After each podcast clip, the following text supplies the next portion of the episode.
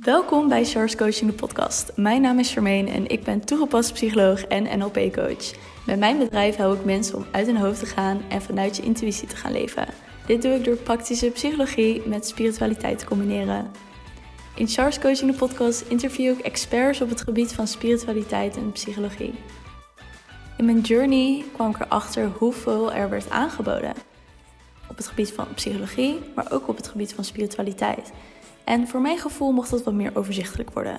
Dus ben ik dit platform gaan aanbieden, zodat jij een overzicht hebt van alles wat wordt aangeboden op het gebied van spiritualiteit en psychologie.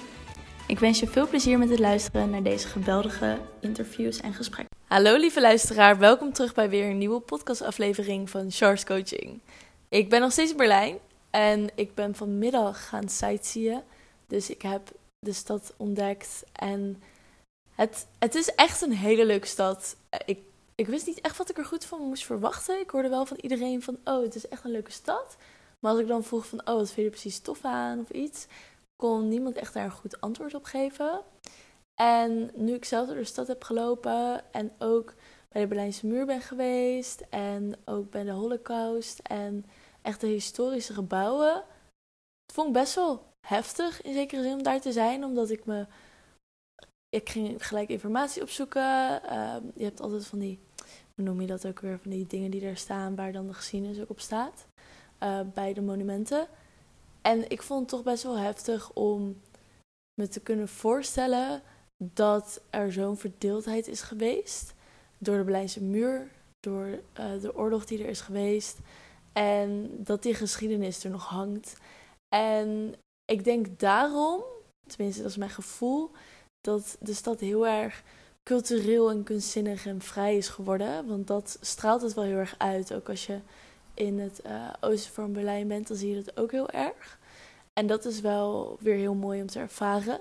Terzijde van de geschiedenis natuurlijk, is dat wel weer uh, iets moois dat ik meeneem uit de stad.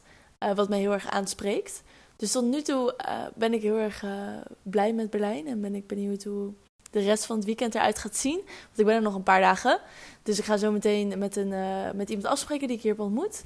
En gaan we een beetje uh, drankjes doen. En ja, hij, ging me ook nog, uh, wat zei hij nou? Ja, hij ging me iets laten zien. Iets super Duits. hij zei van, ik laat je wel zien als ik daar ben. Dus ik ben heel erg benieuwd. Ik laat je er alles van weten. Maar ik wilde ook met je vandaag over iets praten. Want um, ik was dus in gesprek. Ik had je hebt uh, zo'n app hier, Bumble. En dan kan je dus vrienden, versie heb je daar ook van. Dus daar maak ik altijd vrienden mee. Dus ik had daar uh, iemand ontmoet. En daar ging ik mee afspreken. En toen was ik met haar aan het praten, met dat meisje. En wat mij dus opviel in het gesprek was dat zij vertelde dat in... Uh, zij is dus een paar maanden geleden naar Berlijn gegaan. En ze vertelde mij dat toen ze in Nederland nog woonde... dat ze zich best wel beperkt voelde in hoe ze zich gedroeg en haar uiterlijk. En ze had bijvoorbeeld wel eens dat ze. Uh, welk voorbeeld kan ik pakken? Bijvoorbeeld haar kleding. Ze wilde bepaalde kleding dragen en haar haar op een bepaalde manier doen en een piercing nemen en tattoos. Maar dat durfde ze niet. Doordat ze bang was voor de mening van anderen. Of als ze een bepaald iets zou dragen, dat er weer werd gezegd van... Oh ja, ze heeft er dit aan. Want zij komt dus uit een uh, stad in Nederland uh, waar ze is opgegroeid. En altijd is geweest. Dus zij kent, ja, je kent dan best wel veel mensen als je altijd in dezelfde stad of dorp blijft wonen. Dus ze was heel erg, ze voelde zich best wel beperkt daarin. En de eerste keer dat ze naar uh, Berlijn kwam vorig jaar, voelde ze echt van wow, dit is echt mijn stad. En nu is ze een paar maanden geleden hier naartoe gegaan. En toen dacht ze echt, dit is het. En voelde ze ineens veel meer de ruimte om die dingen te doen. Dus ze had haar haar op een andere manier gedaan, maar echt een totaal andere manier. Piercing genomen, tattoo genomen, uh, andere kleding draagt ze. En ik zei ook tegen haar van, als ik jou nu zo zie, dit is wat bij jou hoort. Dit is, dit is wie jij bent. Ik, ik kan me niet voorstellen hoe je er anders hebt uitgezien. Ook omdat ze het dus zo draagt. Dus het past ook echt bij haar. Het is alsof dat haar echt haar ding is. En toen was ik met mijn uh, lieve vriendin Evie aan het praten. En Evie, die had uh, mijn podcast geluisterd. Toen gingen we daar een beetje over praten. En toen vertelde ze ook nog dit. Hadden we ook over ik benoemde dit ook dit stuk. En zei ze van ja, je kiest dan één keer de goede vrienden. Die bij je passen en je verder helpen. Je blijft niet hangen bij je vrienden van de middelbare uit je dorp.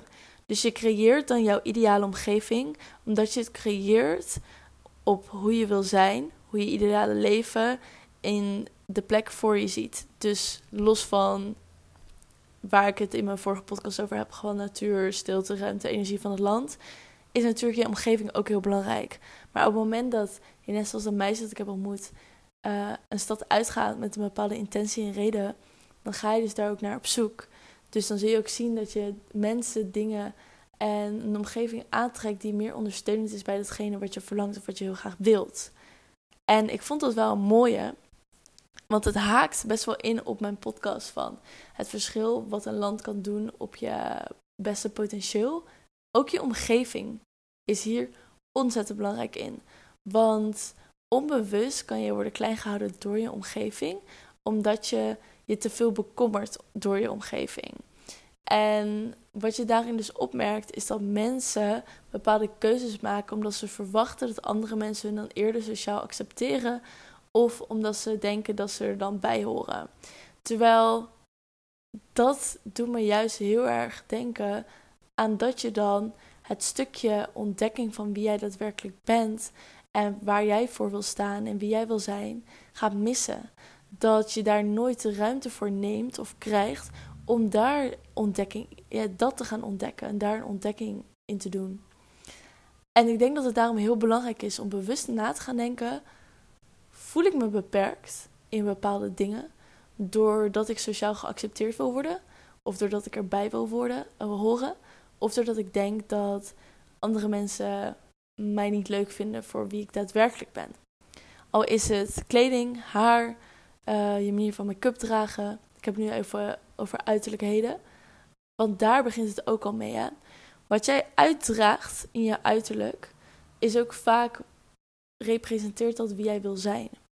Dus op het moment wat ik bijvoorbeeld bij haar opmerkte, ik ging op haar Instagram kijken, is dat zij het hele, als je echt naar beneden scrolt, ik ben echt zo'n stalker op Instagram, als je me toevoegt, als we vriendjes, vriendjes worden op social media, dan ga ik ook echt al je foto's bekijken. Dus ik zat, ik zat haar foto's zo te bekijken, ging naar beneden scrollen. En dan zag je ook echt dat zij het typische sociaal geaccepteerde meisje uit Nederland was. Wellicht herken je dat wel van studentenverenigingen. Ja, studentenverenigingen zijn echt het, echt het makkelijkste voorbeeld hierin. Iedereen kleedt zich daar hetzelfde bijna in.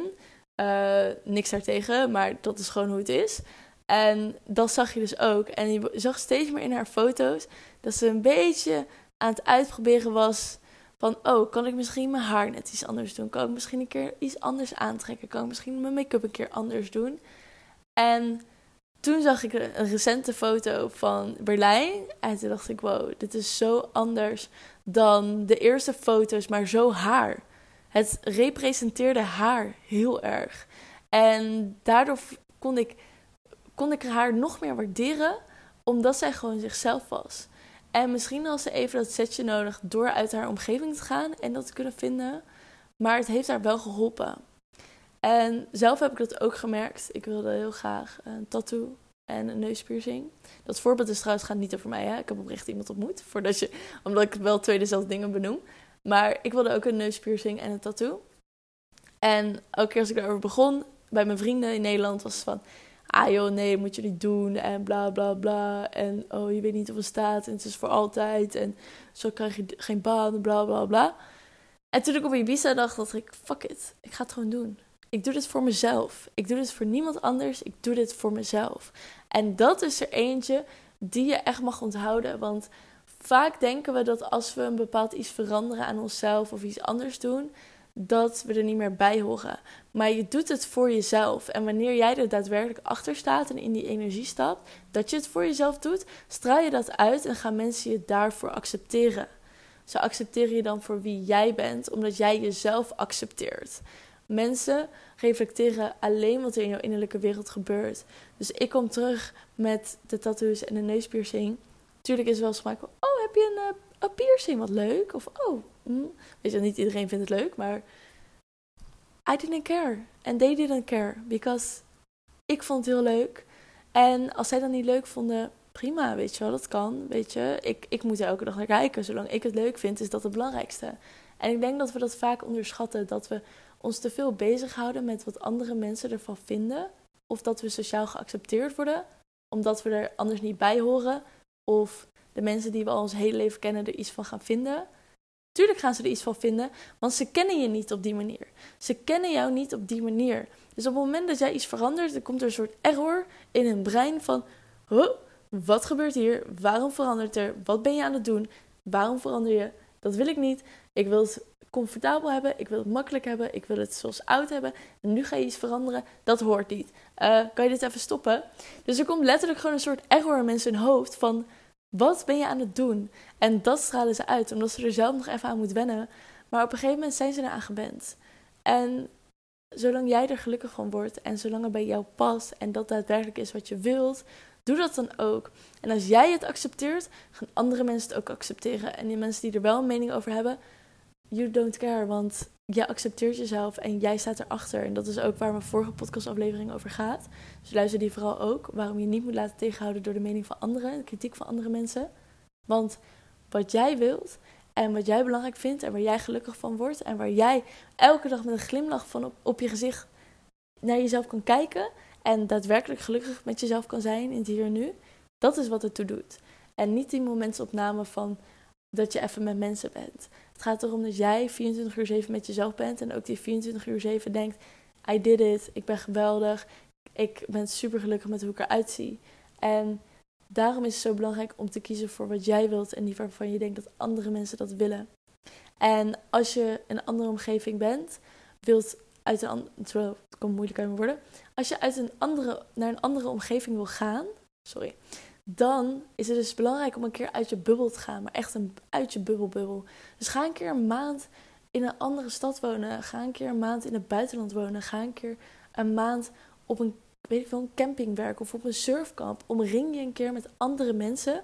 En voordat je dat doet, schrijf dan eens bewust een keer op wat voor soort mensen je wil schrijven, tot, uh, wil ontmoeten tot in de detail. Dus hoe gedragen zij zich? Hoe zien zij eruit? Wat voor emoties wekken zij bij jou op? Uh, hoe ga je met die mensen in gesprek? Wat voor gesprekken heb je? Schrijf dat dan helemaal tot in de detail uit, zodat je een intentie zet voordat je ergens naartoe gaat. En kijk wat dat met je doet en hoe dat je perspectieven weer verbreedt. Alright, dat was de podcastaflevering. Uh, mocht je hier iets over willen delen of iets herkennen, stuur me dan gerust een DM op Instagram, Coaching. En dan spreek je in de volgende podcast. Doei doeg! Dat was de aflevering alweer. Ik wil je heel erg bedanken dat je tot het einde hebt geluisterd. Mocht je deze aflevering super leuk hebben gevonden, deel hem dan vooral met je vrienden. Je helpt mij ook door een review achter te laten op iTunes. Op die manier wordt de podcast nog meer zichtbaar. Tot de volgende aflevering.